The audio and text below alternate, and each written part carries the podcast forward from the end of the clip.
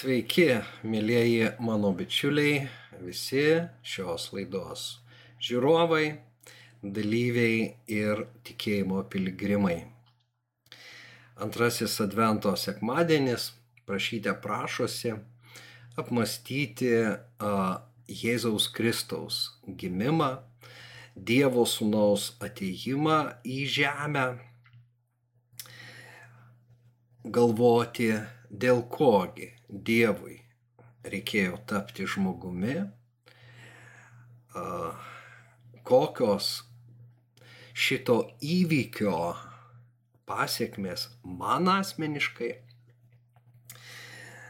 ir kaip aš galėčiau gyventi su Dievu. Ne tik per adventą, bet apskritai visą savo gyvenimą. Štai apie tai mes pakalbėsime atsiremdami į vieną šventojo rašto vietą, kuri uh, man neduoda ramybės jau uh, tam tikrą laiko tarpą, bet šiandieną ji vėl uh, iškilo atmintyje ir aš pagalvojau, kad drauge su jumis imsiu ir pasvarstysiu būtent, na, vieną labai įdomų klausimą. Kodėlgi savieji nepriėmė Jėzaus Kristaus, žadėtojo, lauktojo, savojo mesijo. Bet apie tai truputį vėliau. Dabargi žinia tiems, kurie dar nesate šio kanalo prenumeratoriai, prisijunkite, užsiprenumeruokite ir keliaukime drauge. Taigi, rašto vieta, kurią aš noriu jums perskaityti, yra štai kokia. Iš Jono Evangelijos prologo. Jis buvo pasaulyje. Jis žodis žodis pas Dievą, žodis Dievas, jis buvo pasaulyje. Pasaulis per jį atsirado, bet pasaulis jo nepažino. Pasavuosius atėjo, bet savieji jo nepriėmė. Visiems, kurie jį priėmė, jis davė galę tapti Dievo vaikais. Tiems, kurie tiki jo vardą, kurie yra ne iš kraujo, ne kūno norų ir ne vyro valia, bet iš Dievo gimė. Iš tiesų tas radikalus kontrastas tarp tų, kurie jo nepriėmė, tų savųjų, kurie jo nepriėmė, ir tų savųjų ir svetimųjų, kurie jį priėmė. Nes pastarieji jį priėmė gavo galę iš aukštybių. Ir ta gale buvo perkeisti, tapo Dievo vaikais. Bet klausimas, kuris mane neramina, yra šis, kodėl savieji jo nepriėmė. Ir be abejo, per vieną laidą mes neatsakysime pilnai, aš negaliu išsemti, na, visų galimų atsakymų į šitą klausimą. Tačiau, na, mąstydamas, aš matau tam tikrą vieną apimantį galbūt tuos mažesnius atsakymus, principą, apie kurį ir noriu pakalbėti ir, na, pasiūlyti jums taip pat pamastyti. Todėl iš karto skaitykime keletą eilučių aukščiau, nes mano galva jos va jau pradeda vesti mus teisingų kelių. Jame buvo gyvenimas ir tas gyvenimas buvo žmonių šviesa. Šviesa spindi tamsoje ir tamsa jos neužgošė pasirodė Dievo siūstas žmogus, jo vardas Jonas. Jis atėjo liudyti, liudyti apie šviesą. Įdant per jį visi įtikėtų. Jis pats nebuvo šviesa, bet atėjo liudyti apie šviesą. Buvo tikroji šviesa, kuri apšviečia kiekvieną žmogų.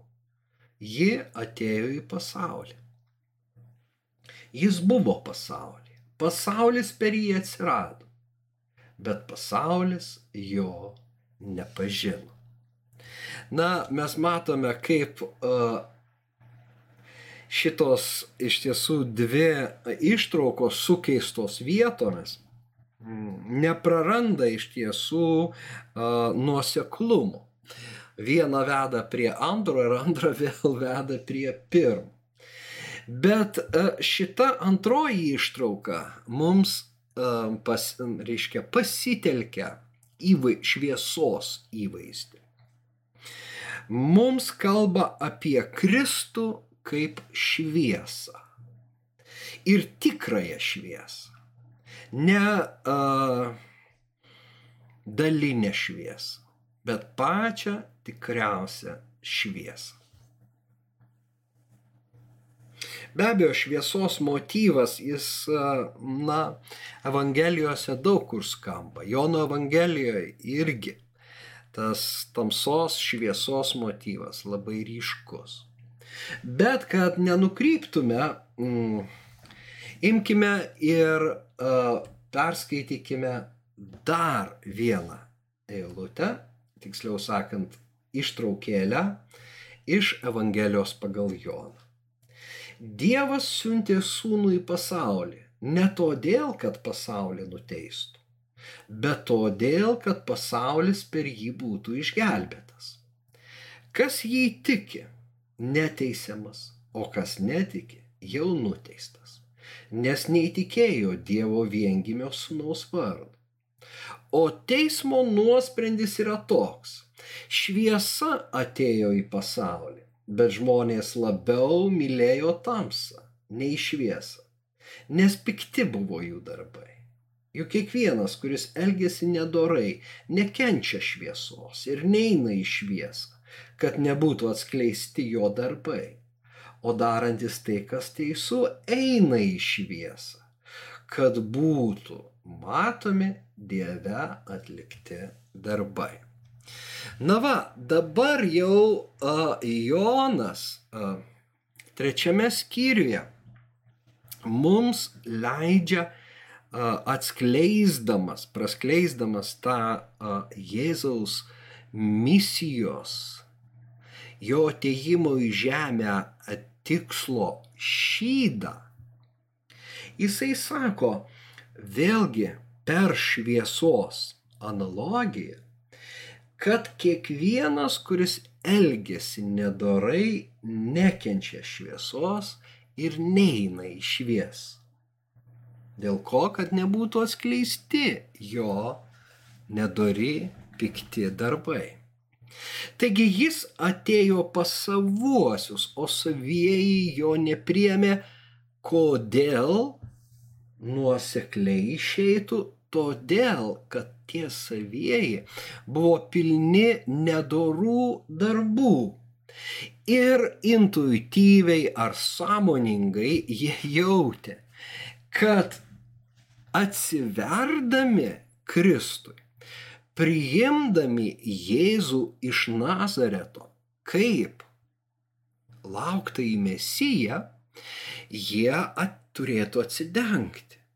Ir ta šviesa, kuri jame, kuri iš jo spinduliuoja, apšviestų nedorus darbus.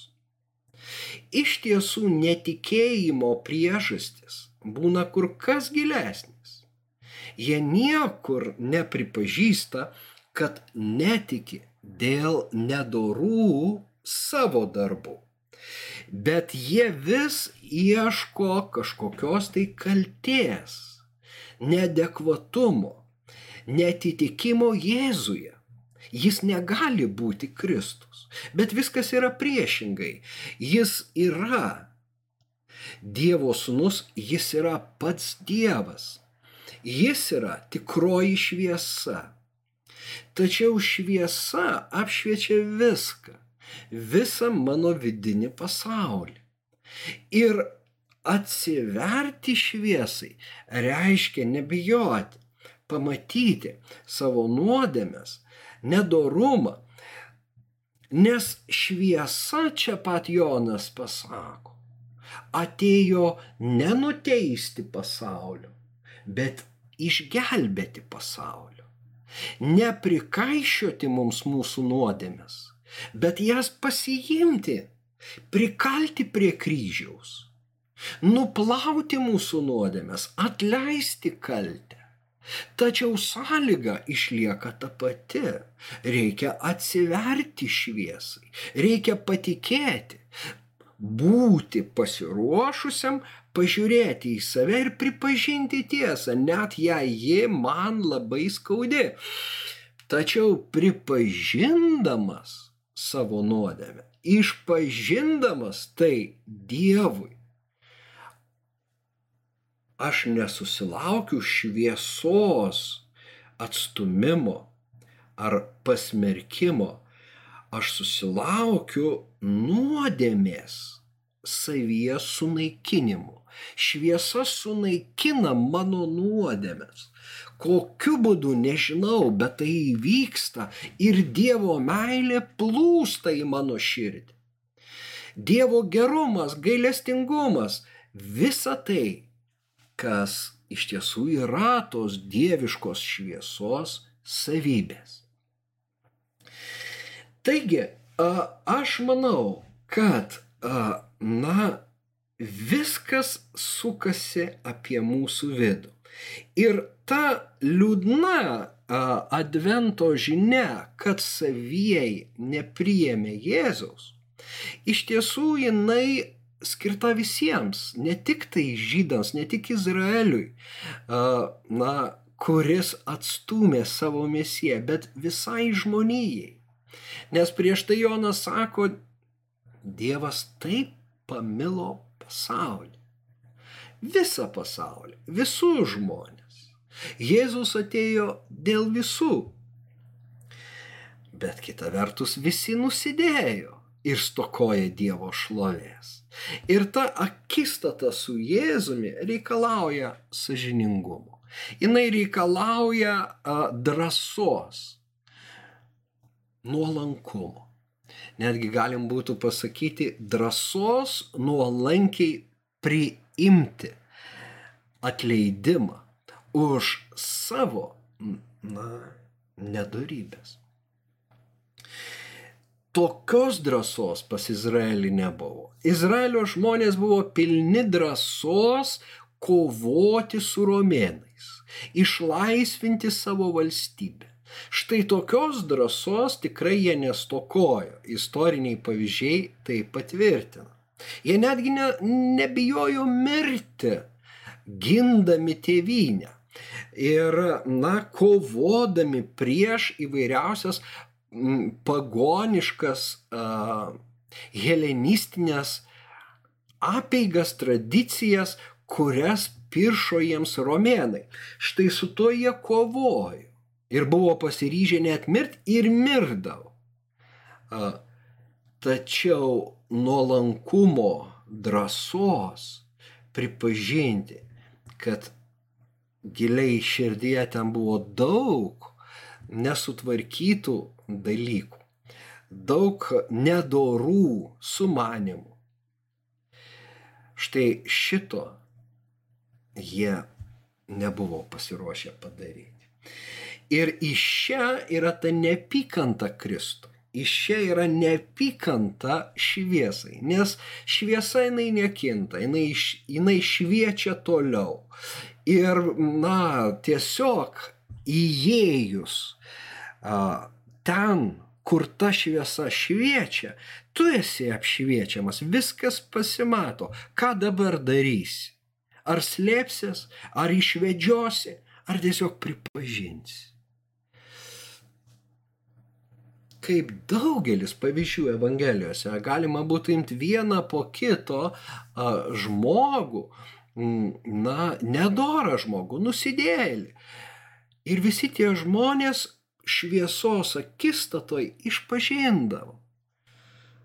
Na, kad ir tas pats Petras uh, pradžioje, kai įvyko stebuklas ir jie nieko nepagavę, uh, išgirdo Jėzaus žodį, užmeskite tinklus, plaukite, irkitės į gilumą ir užmeskite tinklus.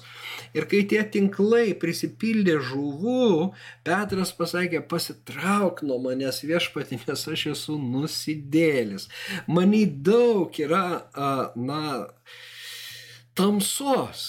Bet tai Jėzaus visai neišgazdino. Jėzaus neišgazdino ir ta a, visame mieste žinoma nusidėlė, kuri atėjo ir a, savo plaukais šluosti Jėzui kojas.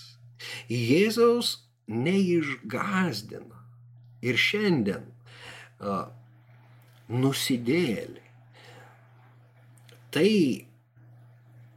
kas ne tai, kad gazdina, bet tai, kas yra apmaudu, kad štai savieji, teisėjai nepriema to, kad šviesa juose turi ką apšviesti ir kažką, dėl ko reikia atgailauti. O tai veda į nuolankų bendrystės ryšį tiek su savo atpirkėju, tiek su kitais. Kiekvieną kartą, kai aš girdžiu na, skambius pareiškimus apie kitų nedorybės, aš iš karto girdžiu, kad štai šitas kaltinantis turi didesnį rastą. Šiandien aš net kelis laiškus elektroninius laiškus gavau kurio, kuriuose, na, deklaruojama dabartinės valdžios nedorybės. Ne, nu, nedorybės, kad dabartinė valdžia yra nedora. Ir štai junkimės ir sukurkime valdžią, kuri bus dora. Aš Nesakau, kad valdžioje sėdi šventieji, tačiau aš matau kitus nusidėlius, kurie gviešiasi valdžios.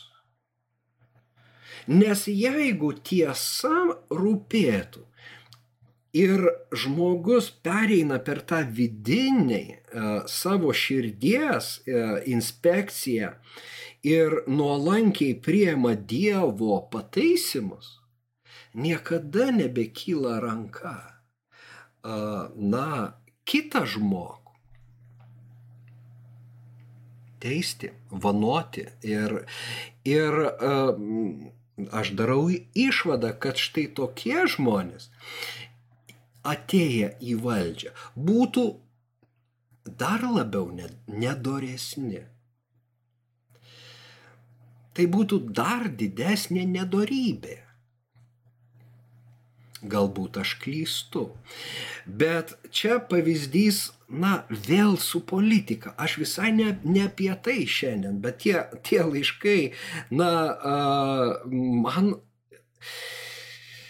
šiandien gauti labai iliustruoja, kad politinės deklaracijos stokoja štai tos nuolankumo drąsos, kurios moko Evangeliją, be kurios žmogus negali ateiti į šviesą, nes kai tu ateini į šviesą, tu esi nurengiamas. Tu turi, na, pripažinti ir atsakyti už savo gyvenimą.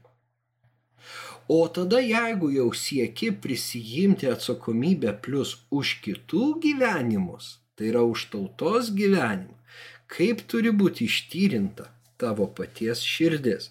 Antraip tai yra, na, tuščios e, deklaracijos ir vaisiai bus labai kartus.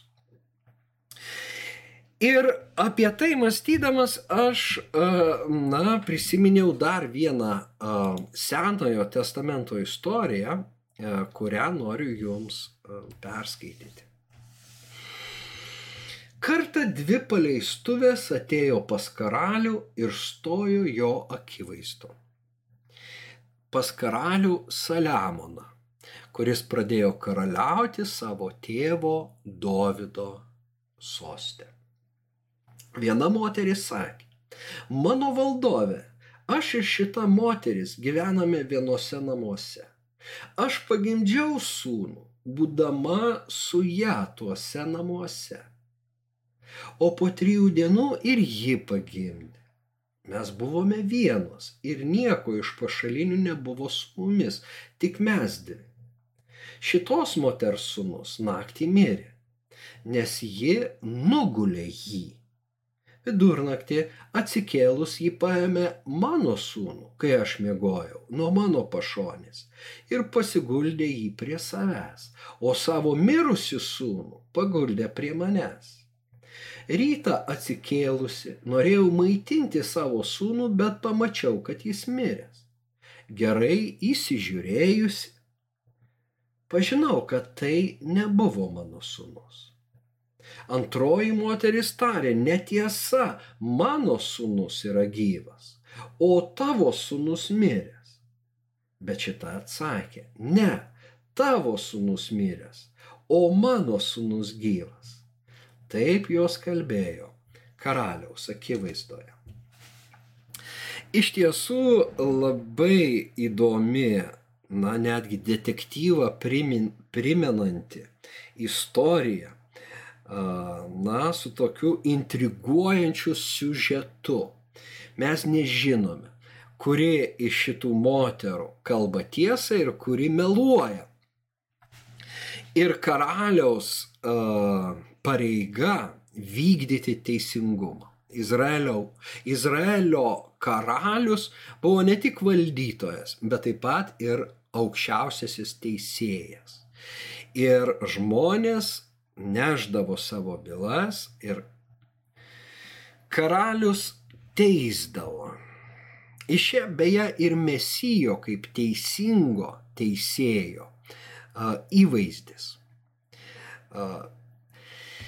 Bet žiūrėkime, šita uh, istorija, na, iš tiesų tokia gyvenimiška ir tokia aktuali šiandien jinai visada buvo aktuali be abejo. Bet uh, kodėl?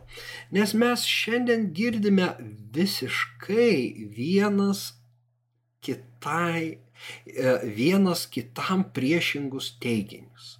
Viena kitą paneigiančias uh, tiesas, pareiškimus, deklaracijas, uh, požiūrio taškus kuri teisi iš jų. Kaip išpainioti tą uh, raizginį, kaip susigaudyti, kas čia teisus ir kas meluoja. Štai tokį uždavinį uh, turi Saliamonas. Na, bet ne veltui yra pasakyta, kad tai buvo be ne pats išmintingiausias iš visų karalių, o gal ir žmonių gyvenusių. Saliamonas tą uh, raizginį išriš. Štai kaip. Skaitykime. Karalius tarė. Viena sako, mano sunus yra gyvas, o tavo sunus miręs. Ir antroji tvirtina, tavo sunus yra miręs, o mano sunus gyvas. Ir karalius pasakė, atneškite kartą ir atnešė kardą karaliui. Nelauktas posūkis, žiūrėkime, ir karalius pasakė, padalykite gyvą į kūdikį ir duokite vieną pusę vienai, o kitą pusę kitai. Tuomet moteris, kurios sunus buvo gyvas, gailėdamasi jo, tarė karaliui, mano valdove, atiduok jai gyvą į kūdikį ir nežudyk jo. O antroji sakė, gerai, nebus nei man, nei tau, padalykite jį. Tada karalius atsakė, atiduokite gyvą į kūdikį pirmajai ir jokių būdų jo nežudykite. Ji yra jo motina. Visas Izraelis išgirdęs tą karaliaus sprendimą ėmė bijoti karaliaus, nes jie matė, kad Dievo išmintis buvo jame, kad jis teistų. Na, vėlgi toks nelauktas šitas, šitos istorijos pabaiga, šito epizodo kulminacija, atneškite kardą ir perkirskime tą kūdikį per pusę, vat ir bus jums. Nes nei viena nepripažįsta. Tačiau čia Saliamonas išmėgina. Na, tarsi paties Dievo vietoje, ar ne? Mes skaitome, kad Dievas mus mėgina. Kasgi slypi mūsų širdyje? Kasgi pasirodys, vat, kai aplinkybės kinta? kai ateina tie a, sunkus laikai, kai staiga kardas pakimba virš galvos, ką aš pradėsiu kalbėti? Ir Saliamonas stebi. Ir du, dvi vėlgi priešingos uh, reakcijos. Na, prieš tai tai buvo tas pats teiginys, tik tai kiekviena savinosi tą kūdikį savo atrodytų, nes nežinom, kuri tikroji, kuri ne. O dabar staiga viena sako, jokių būdų nežudykit, tegul jis gyvena, o kita gerai, pagaliau teisingumas išsipildys į dvi dalis jį. Ir Saliamonas iš karto stop, šitoj vietoj sustokime, man viskas aišku kieno kūdikis yra. Jo motina nori, kad jis gyventų. Net ir pas kitą. Net ir ne pati žindys, bet tegul jis gyvena.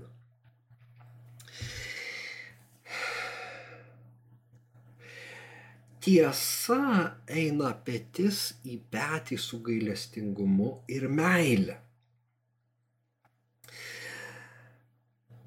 Ir čia yra tas vienas žodis, tuomet moteris, kurios sunus buvo gyvas, gailėdamasi jo tarė karaliui. Mano valdovė, atiduok jai gyvą į kūdikį ir nežudyk jo. Gailėdamasi jo. Tiesa ir gailestingumas.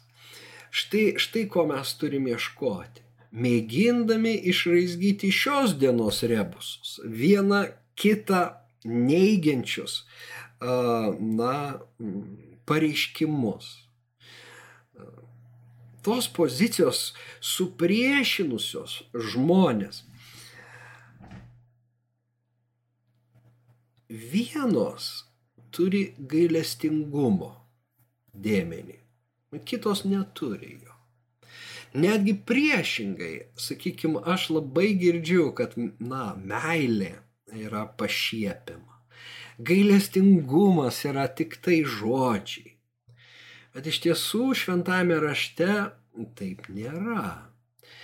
Tiesa ir malonė atėjo su Jėzumi Kristumi. Ne vien tiesa, bet ir malonė, gailestingumas, gerumas.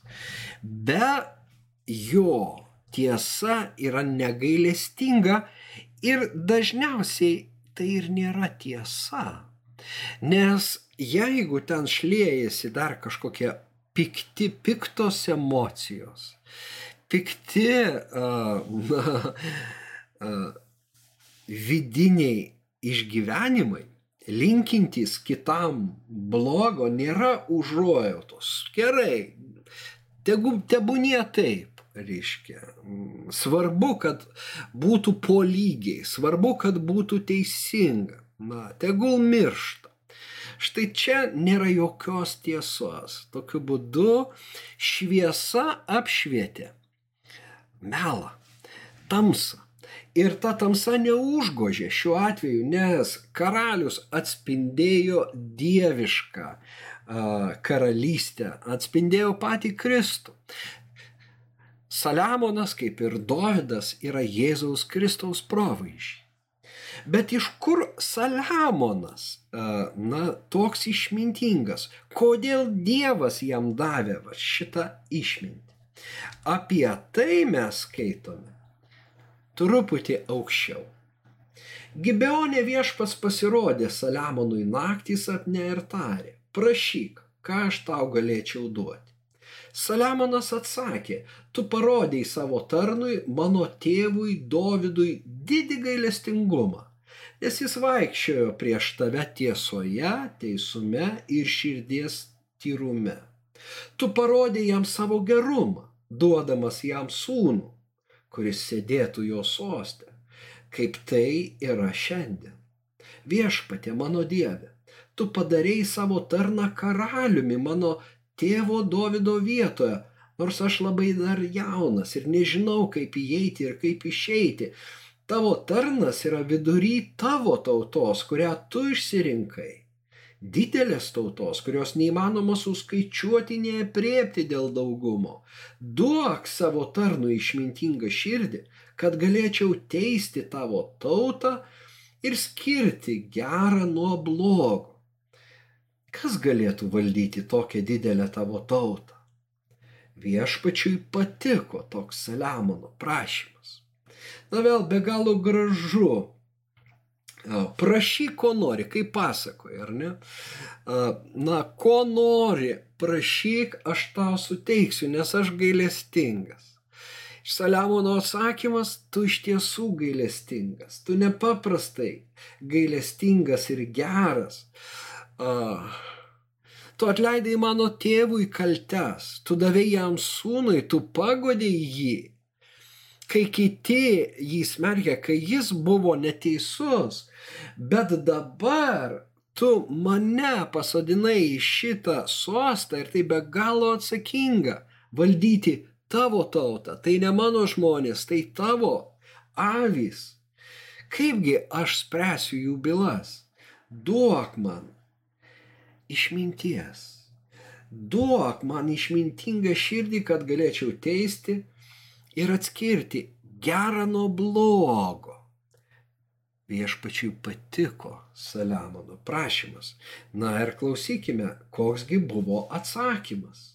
Dievas jam tarė, kadangi prašiai išminties teisingai nuspręsti, o ne ilgo amžiaus savo, turtų savo ar savo priešų gyvybės, tai padariau pagal tavo prašymą, aš daviau tau išmintingą ir sumanę širdį, kad panašaus į tave nebuvo.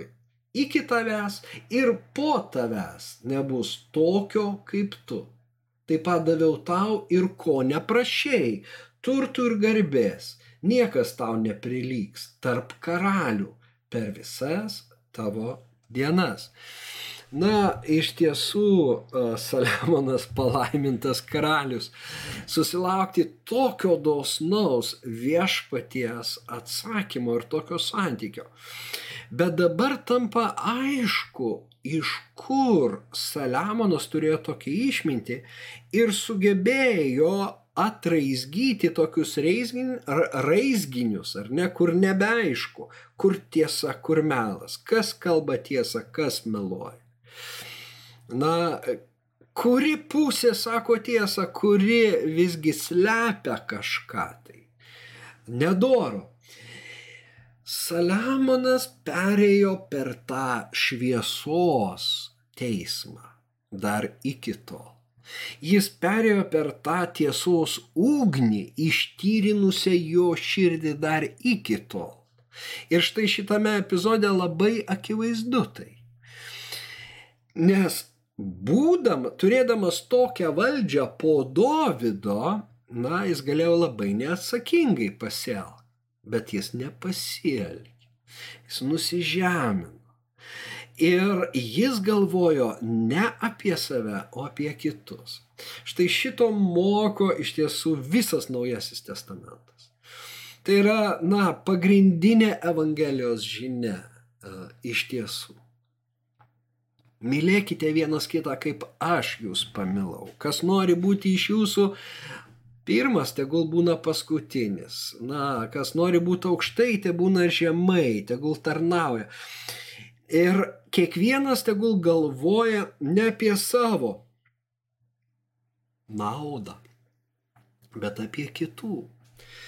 Įdomu, kad vertėjai net neišdrįsta išversti ir, na, Čia laiškė filipiečiams yra, kad na, tegul kiekvienas galvoja ne tik apie savo poreikius, bet ir kitų verčia.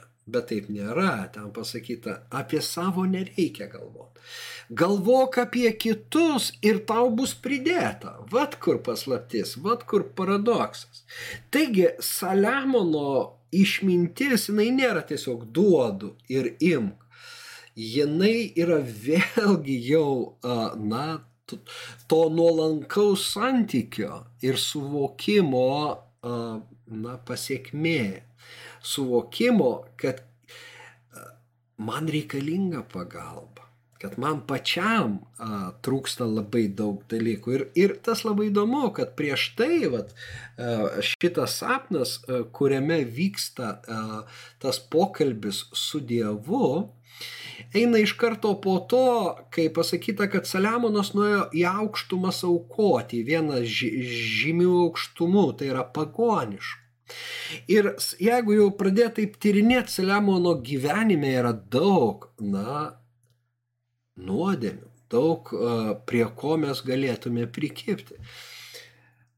Tačiau Dievas žiūri dar giliau, nes tų nuodėmių daug pas visus. Štai šito karaliaus tokios nuostatos labai sunku atrasti labai sunku atrasti. Todėl, kad kiekvienas ieško savo naudos, pasak Pauliaus, o turėtų būti priešingai. E, kai jisai sako, aš neturiu ką, ko jums atsiųsti, nei, nei vieno iš savo bendražygių aš negaliu pasiūsti, nes kiekvienas ieško savo naudos. Bet jis, Timotiejus, tarnavo man kaip sunus tėvui, skel, skelbiant Evangeliją. Ir va čia va yra tie niuansai, kuriuose slepiasi, na, tos gilios paslaptys. Čia yra tie niuansai atrodytų galbūt kam nors nereikšmingi. Iš tiesų, kurie apsprendė mano galva ir tai, kad didžioji dalis nepriėmė šviesos, nes jų darbai buvo nedori, jie nenorėjo įeiti į šviesą. Ir liko tamsoje, bet kiekvienas atsiveręs, patikėjęs, tapo šviesos vaiku. Ir mums, kaip šviesos vaikams, jau kalba apaštalas Paulius. Jūs kitados buvote tamsa, bet dabar šviesa viešpatyje. Gyvenkite kaip šviesos vaikai. Šviesos vaisius tai visa, kas gera, teisų ir teisinga. Žiūrėkime, šviesos vaisius visa, kas gera, teisų ir teisinga. Mes esame pašaukti tokiam gyvenimui.